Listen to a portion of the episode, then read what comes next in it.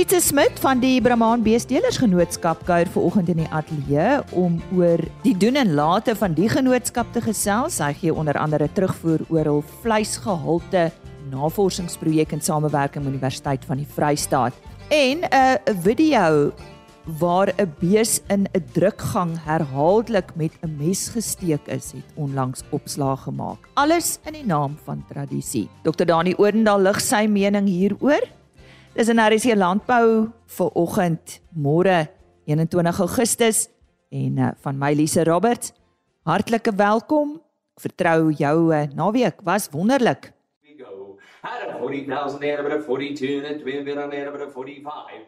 In hierdie week se veilingnuus op 23 Augustus, die tweede produksieveiling van EHE Gelibar Bonsmara en JG Viljoen en Seuns Dis by Mimies Rust naby Clarence. Daar is 'n paar veilinge op 24 Augustus. Eerstens die OVS Braford Veldbull Klub veiling by die veilingsring op Vrede, dan die Maluti Bonsmara produksie veiling by die Winburg veilingskompleks, die Mapudi Bonsmara veiling ook by die Winburg veilingskompleks en die Roberts Genetics Brangus veiling by die Hoopstad veilingskrale. Op 26 Augustus die Bosvelder studiegroep Elite veiling en dit daar by die Warmbad Veemark op Bella Bella en uh, ek hoop om eersdaags met uh, Theo Hofman hieroor te gesels.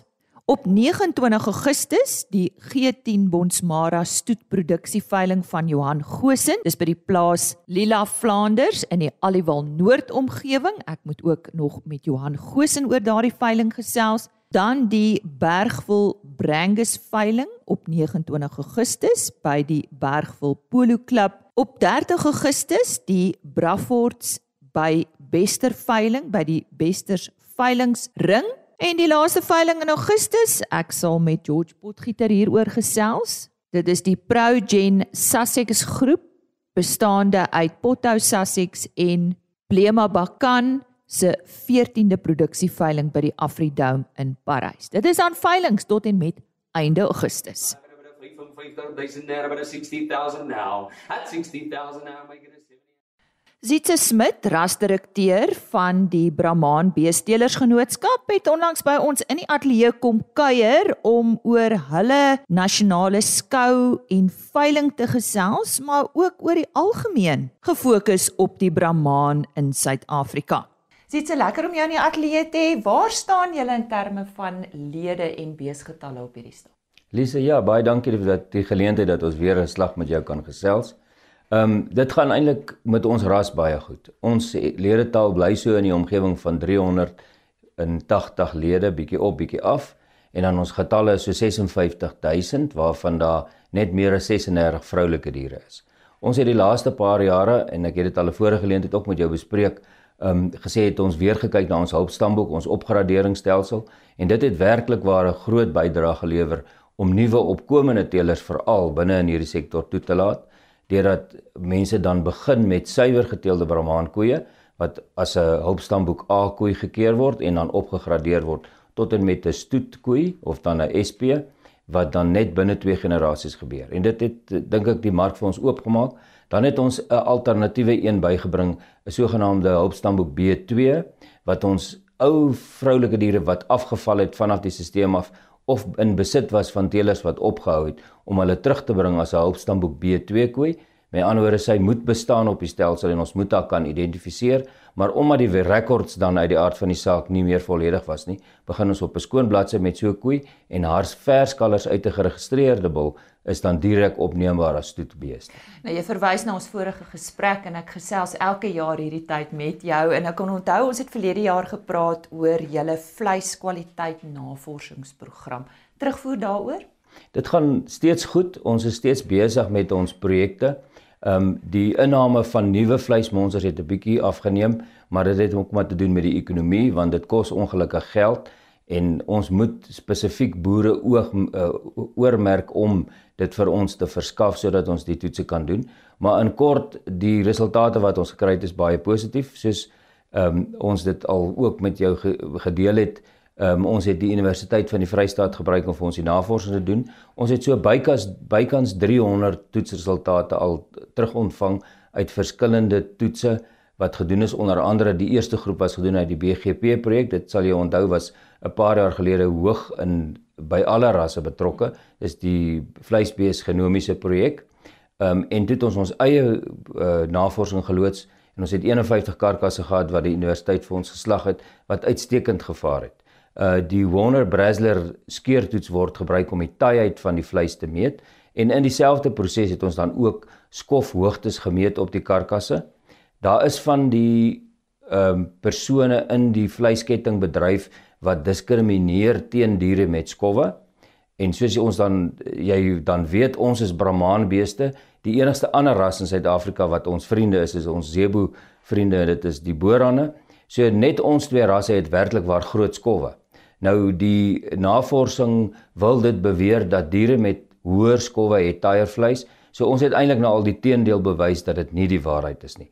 Die ander belangrike stuk inligting wat vir ons persoonlik van Brahman karkaskant af uitgekom het is dat ons diere se vleiskwaliteit is van so 'n aard dat ons baie min uh, swak karkasse het wat sogenaamd verwys word as dark cutters. Met ander woorde, dis dan karkasse wat nie noodwendig 'n goeie rakleeftyd het nie. En ons het ook dan bewys dit is nie so nie. So ja, ons is steeds besig om voor ons neuse en voor ons deur te vee as ek dit eerder so kan sê ons probeer die wetenskap aanspreek ons probeer die produk wat ons het wat ons weet en glo is 'n baie goeie produk steeds afstof en beter te maak vir die vir die verbruiker. Wat ek wel moet byvoeg is dat die neiging om sogenaamde meer uh kom ons sê vriendelike vleis maar ook ekonomies eh, vriendelik maar ook dan verbruikersvriendelike gesonder vleis te produseer. Met ander woorde vleis wat op veld geproduseer is pas eintlik ons ras dan uitstekend. So erns moet sal ons met mekaar in die middel ontmoet met die mense wat sê ons beeste is dalk taaier maar ons beeste is in spesifiek geval nou brahmane of zebus in die algemeen is van die rasse wat die goedkoopste en die ekonomiesste vleis vanaf die veld kan produseer. Juis as gevolg van ons rasse aanpassingsvermoë en veral ons koeie se vermoë om dan nou met 'n kruiskalf, want dan het sy of 'n Brahman halfkruising of 'n suiwer kalf is 'n 'n karkas kan produseer wat vanaf die veld geslag kan word na 'n spesifieke tydperk. Ek dink ons moet weer met jou oor hierdie onderwerp gesels. Ek dink ons kan nog lank hieroor praat. Baie interessant. Die afgelope jaar sedert ek en jy laas gesels het, wat het julle nog bereik? Kom ek sê so, ons is ehm um, werklik waar in die in die bevoordeelde posisie En ongelukkig gaan ons altyd daarna toe verwys. Uh met die koms van Back and Claw het ons 'n gedeelte van ons internasionale mark verloor. Ehm um, soveel so dat ons vriende uit Botswana het in die afgelope 18 maande glad nie ons veilinge kon bywoon om diere in te koop nie. Maar dit het nie beteken dat ons produk se waarde het sodanig gedaal nie. Ons het eintlik nog 'n baie positiewe uh, vraag na ons vroulike diere wat dan nou suiwerder brahmane is, het sy stoet of suiwer brahman koeie. Ehm um, en ek dink ons kompeteer goed met ander rasse sonder dat ons te duur is want dit is ook belangrik dat die verbruiker weet of die aankoper van ons produk weet dat dit 'n bekostigbare produk waarmee hy kan geld maak. Wat ons baie opgewonde maak is dat in die afgelope kom ons sê maand en 'n half, ons kan amper sê 2 maande, was daar ongelooflik baie veilinge en dan veral bulveilinge en onder andere in Natal en Noordwes en dan ook in ander provinsies. Maar wat ons beïndruk het is dat die Natal bulveilinge het werklik waar hulle hulle prys gestand gedoen en het ons goeie gemiddeldes gehandhaaf en by elke plek waar daar 'n goeie veiling was en ons het hoë profiel teelers wat daar veilinge gehou het, het sy produksieveilings of groepveilings van teelers wat saam veilinge. En by bykans by elkeen van hierdie veilingsgeleenthede was daar 'n hoë prys bil of meer, maar wat nie noodwendig deur stoetelers gekoop word nie, maar dat juis deur kommersiële kopers ge, gekoop word. Wat dan in effek net bevestig dat die gewone vleisprodusent is bereid om te betaal vir 'n Brahman bil wat gekeur is, wat prestasietoetsdata het en wat op ons merk van kwaliteit ons B brand dra en wat hulle weet dit is die moeite werd om dit so beeste boer, want die direkte gevolg daarvan is hy kry daai F1 basterkrag En dan moet ons ook vir mekaar sê omdat ons ras betrokke is in die sintetiese ontwikkeling van soveel ander rasse waar altyd 'n klein bietjie zeebloed en in hierdie geval Brahman moet betrokke wees. Is dit maklik vir hom om vanaf uit 'n sintetiese oogpunt 'n Brahman weer in te sit en dan weer terug te teel na sy kom ons sê meer ideale sintetiese koei ras wat hy wil, hy wil boer maar dan versterk hy net die zebu-bloed net om weer sy aanpassing en sy ekonomiese eienskappe binne in sy koeikudde net daai opstoot te gee. Oh. Dis dan die rasdirekteur van die Brahman Beestelersgenootskap van Suid-Afrika, Zietse Smit. Woensdagoggend luister ons verder, dan fokus hy meer spesifiek op hulle skou en nasionale veiling.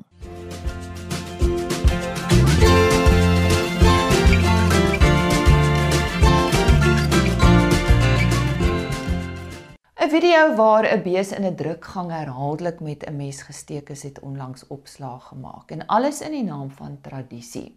Maar hoe onmenslik is dit werklik en is daar 'n korrekte tradisionele manier om hierdie diere dood te maak sonder om welsyn prys te gee? Ons het gedink om vir Dr. Dani Oornal ateljee toe te nooi met hom hieroor te gesels. Dani, wat is die menslike of aanvaarbare manier om diere dood te maak? Ek sê altyd uh ons vlak van beskawing, vlak van ontwikkeling is gelykstaande aan die vlak wat ons diere hanteer. Jy kan net baie mooi gaan kyk uit die geskiedenis. Ons het vorentoe beweeg oor tye. So die manier waarop ons diere hanteer en die welsyn van diere is gelykstaande aan ons vlak van beskawing of ontwikkeling. So dis die dis die eerste punt. Oor die laaste, ek wil amper sê 100 jaar het ons baie vordering gemaak met die slag van diere. Onthou, dit is 'n verskriklike belangrike bron van kos. Ons moet verskriklik met groot respek doen. Dis daai eindstadium waar dit geslag word. En ons kyk na twee of drie verskillende goed wanneer diere geslag word. Die heel eerste een, ons wil pyn so ver as moontlik vermy. Dit beteken in ons navorsing en die ontwikkeling het ons gekom by metodes waar ons daai dier onmiddellik be sy bewusheid kan laat verloor. Uh die captive bolt gun Dis 'n baie spesifieke ding wat gebruik word in abattoirs, maar ons as veeartse gebruik dit ook in noodslagte. Uh is iets wat daai dier binne enkele net enkele 1 sekonde bewusteloos maak dat hy nie pyn kan voel nie. So dit is iets wat ontwikkel het, dis daar, dis beskikbaar. Uh dis eintlik vir almal beskikbaar. Dis die korrekte menslike manier om 'n dier te hanteer voordat hy uitgebloei word. So die tweede vlak is hy moet uitgebloei word. So die eerste een ons moet pyn so ver as moontlik ver, verminder of vermy. Die tweede een hy moet uitgebloei word. Hy moet uitgebloei word eintlik terwyl die hart nog klop. En die rede daarvoor is bloed is die ideale groei medium vir bakterieë. Dis hoekom ons 'n dier uitbloei. Hoekom ons nie bloed binne in los nie. Nie net vir estetiese waarde dat die bloed later in die styk gaan uitloop nie. Dit gaan daaroor as 'n dier uitgebloei is, dan is daar baie minder plek waar organismes na hy tyd kan opgroei. So dis 'n higiëne standaard. Dis twee goed wat moet gebeur. 'n Derde een wat ons nie vandag oor gaan praat nie, is die uithaal van die binnegoed, want die bakterieë wat daar binne is gaan in die karkas in. Maar die eerste een met ons navorsing het ons gekyk en gesê ons het nou metodes om daai dier onmiddellik bewusteloos te maak en dan kan sy keel afgesny word en hy uitgebloei word. En onthou as 'n bees uitbloei, jy moet al daai goed in in aanmerking neem. Dis 15 liter bloed wat iewers heen moet gaan. Dis dis 'n groei medium vir bakterieë. Dit kan nie net sommer enige plek loop nie. En dis hoekom jy ingerig moet wees by 'n slagpaal of by 'n abattoir uh, waar hierdie tipe van goed gedoen word. Ons het sover ontwikkel dat die regte metode beskikbaar is en bestaan en beskryf is. Nou die video waarna ons verwys en hierdie manier van doodmaak. Wat wat behels dit? Daar's twee goed wat wat baie keer die doodmaak van diere dryf. Ons praat baie keer van tradisie in die een en aan geloof aan die aan die ander kant. Daar's geloofsslagtings en daar's tradisionele slagtings. Weereens ek gesê het, ons het ontwikkel na 'n vlak toe waar dit absoluut onnodig is. As jy gaan kyk in die video wat die proses wat daar gebruik was, hulle noem dit patella. Dit is waar 'n mes ingedruk word reg aan die agterkant van die van die kop sit die atlas, die eerste wervel en dan die aksis en dan die res van die wervels. Nou as jy gaan kyk, die wervels is daar om die rugmurg te beskerm. Die toegang tot die rugmurg is verskriklik moeilik. Daar's een swak plek. Dis tussen die agterkant van die kop en die atlas. Daai gewrig maak dat hy dier sy kop kan sak en optel. Die volgende een Die aksis maak dat die dier sy kop kant toe kan draai. As die dier se kop sak, is daar 'n klein gaatjie, 'n vorm wat daar tussen daai wervels en die agterkant van die kop vorm. Klein, so groot soos 'n soos 'n 10 sent. En dit is die swak plek. As jy 'n mes sou daar indruk en dit korrek doen, dan gaan hy dadelik verlam wees. Hy gaan nie dood wees nie. Hy gaan val, hy gaan dadelik verlam wees, maar hy gaan nog by sy bewussyn wees. So dit is nie 'n metode wat ons meer deesdae gebruik nie. Jy moet verskriklike vaardigheid hê om dit te doen. Daar's 'n verskriklike dik ligament wat twee liggame het wat van die agterkop af loop na die na die na die laer deel van die nek en die bors toe om die kop op te hou. 'n Dik geel ligament. Daai ding is so taai as jy nie die skiel het nie, nie die regte mes het nie, hy moet twee snydend wees, hy moet 'n sekere lengte wees, dan gaan jy daai dier herhaaldelik steek en steek en steek en steek en jy gaan nie hom kry dat hy verlam word en gelê nie. So die Wêrelddieregesondheidsorganisasie sê daai metode mag nie meer gebruik word nie. Dis eintlik 'n metode wat in die ou stuurgevegte gebruik was. Nadat is argaïs nadat die dier gesteek was met daai lang swaard, het hulle met puntella mes die finale een agter die kop gegee. Dit word gebruik en daarom word gebruik in latynse ontwikkelende lande, veral in Suid-Amerika, maar almal wat 'n latynse agtergrond het. Uh in ons westerse wêreld is dit net nie meer aanvaar. So word dit nou nog in daai lande gebruik. Uh die nie die dis navorsing wat ek nou daag gelees het was gedoen 10 jaar terug. Toe hulle gaan kyk na hierdie spesifieke ding is dit effektief of nie effektief nie. En daar het hulle baie mooi gewys, 'n persoon wat wat opgelei is, wat die anatomie ken, gaan in baie groot van die persentasies met 'n enkele steek gaan hy die dier laat val. Uh maar daar het hulle gewys wat mense wat nie opgelei is nie en daai spesifieke studie daarop gegaan dat tot 75% van daai van daai gevalle moet daar meer keer gesteek word en dit is presies wat hier gebeur het. Nou as ons ou gaan kyk uh in ons vandag se terme is dit suiwer dieremishandeling. Ons het die regte metodes. Daar is opleiding beskikbaar. Jy kan nie om 'n tradisionele uh boeg dit gooi en sê ons wil die dier steek en veral deur 'n operateur wat geen opleiding het, geen kennis het van die anatomie nie. Jy kan nie enige ou van die straat af vat nog minder 'n politikus en op 'n kamera 'n moderne nuwe kamera 'n een of ander tradisie wil gaan afneem nie. So vir my as 'n veearts wat met diere werk, het dit was dit afgryslik. Ek sou ek het op daai stadium gedink uh iemand soos die welsynsverenigings sou dadelik intree. Uh onthou ons het 'n welsynswet van 1972 hy's hy's baie keer hersien, ons het 'n welsynswet En volgens daai wet is die polisiebeamptes ook verantwoordelik. As hulle op die uh, plek is, is hulle ook verantwoordelik, nie net welsynsmense wat moontlik nie daar is nie. So op die einde van die dag ons het die regte metode. Dit is beskikbaar.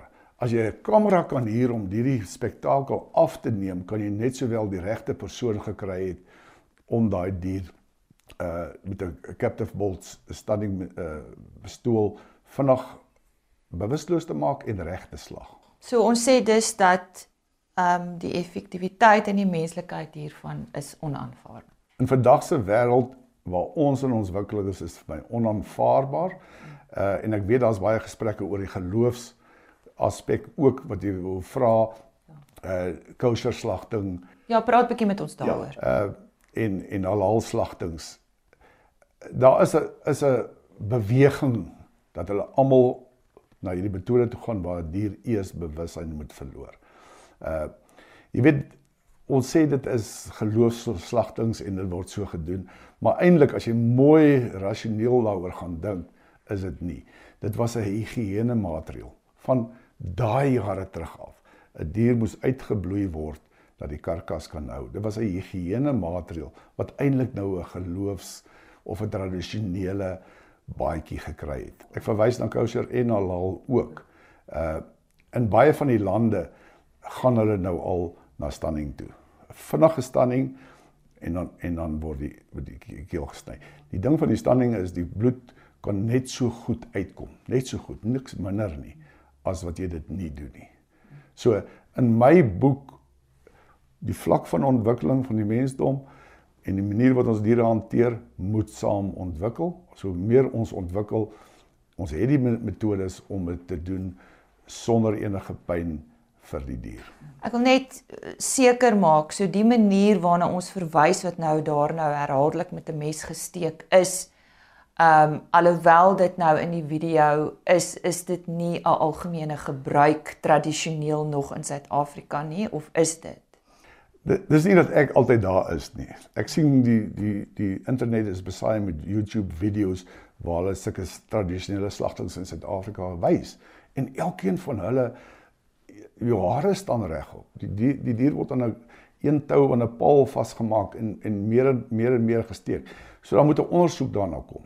Met in my boek is dit nie aanvaarbaar nie.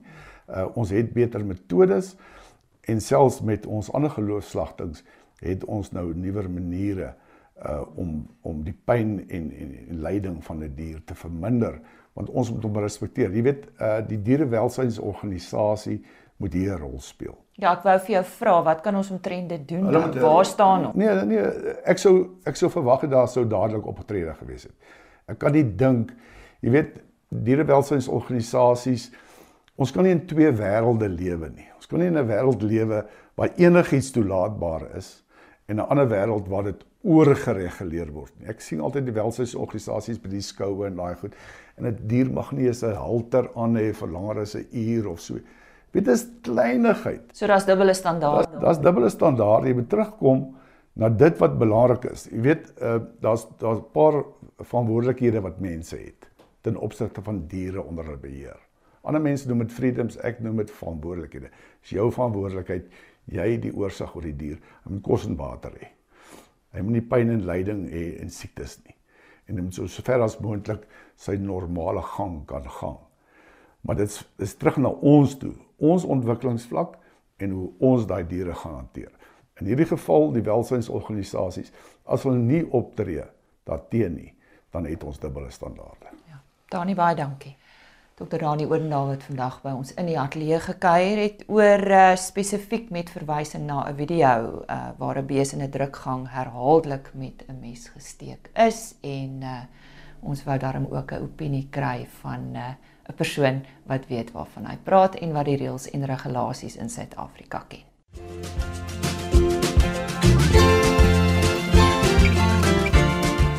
Dis dan vandag se program. As jy weer na een van die onderhoude wil luister, rsg.co.za, kyk onder potgooi vir RSG Landbou. Die volledige program is daar beskikbaar. Jy kan ook gaan soek by agriorbit.com. Bo aan die bladsy onder podcast, klik net op die datum en eh, die onderhoud sal daar beskikbaar wees. En uh, indien ek van enige hulp kan wees, stuur 'n e-pos rsglandbou by plaasmedia.com www.rsg.co.za. En môre se RSG landbou die wolseisoen het verlede week hervat en Heinrich Victor sal op sy pos wees met ons wolmark verslag.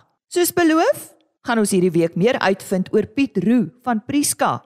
Hy is onlangs aangewys as die 2023 veeplaas klimaatslim ambassadeur. Koos de Pisani het onlangs by hom op die plaas gaan kuier en ons vind meer uit oor sy boerdery.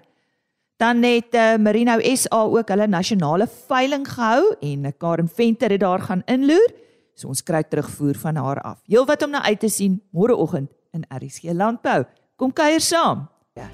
RSG Landbou is 'n plaas media produksie met regisseur en aanbieder Lize Roberts en tegniese ondersteuning deur Jolande Rooi.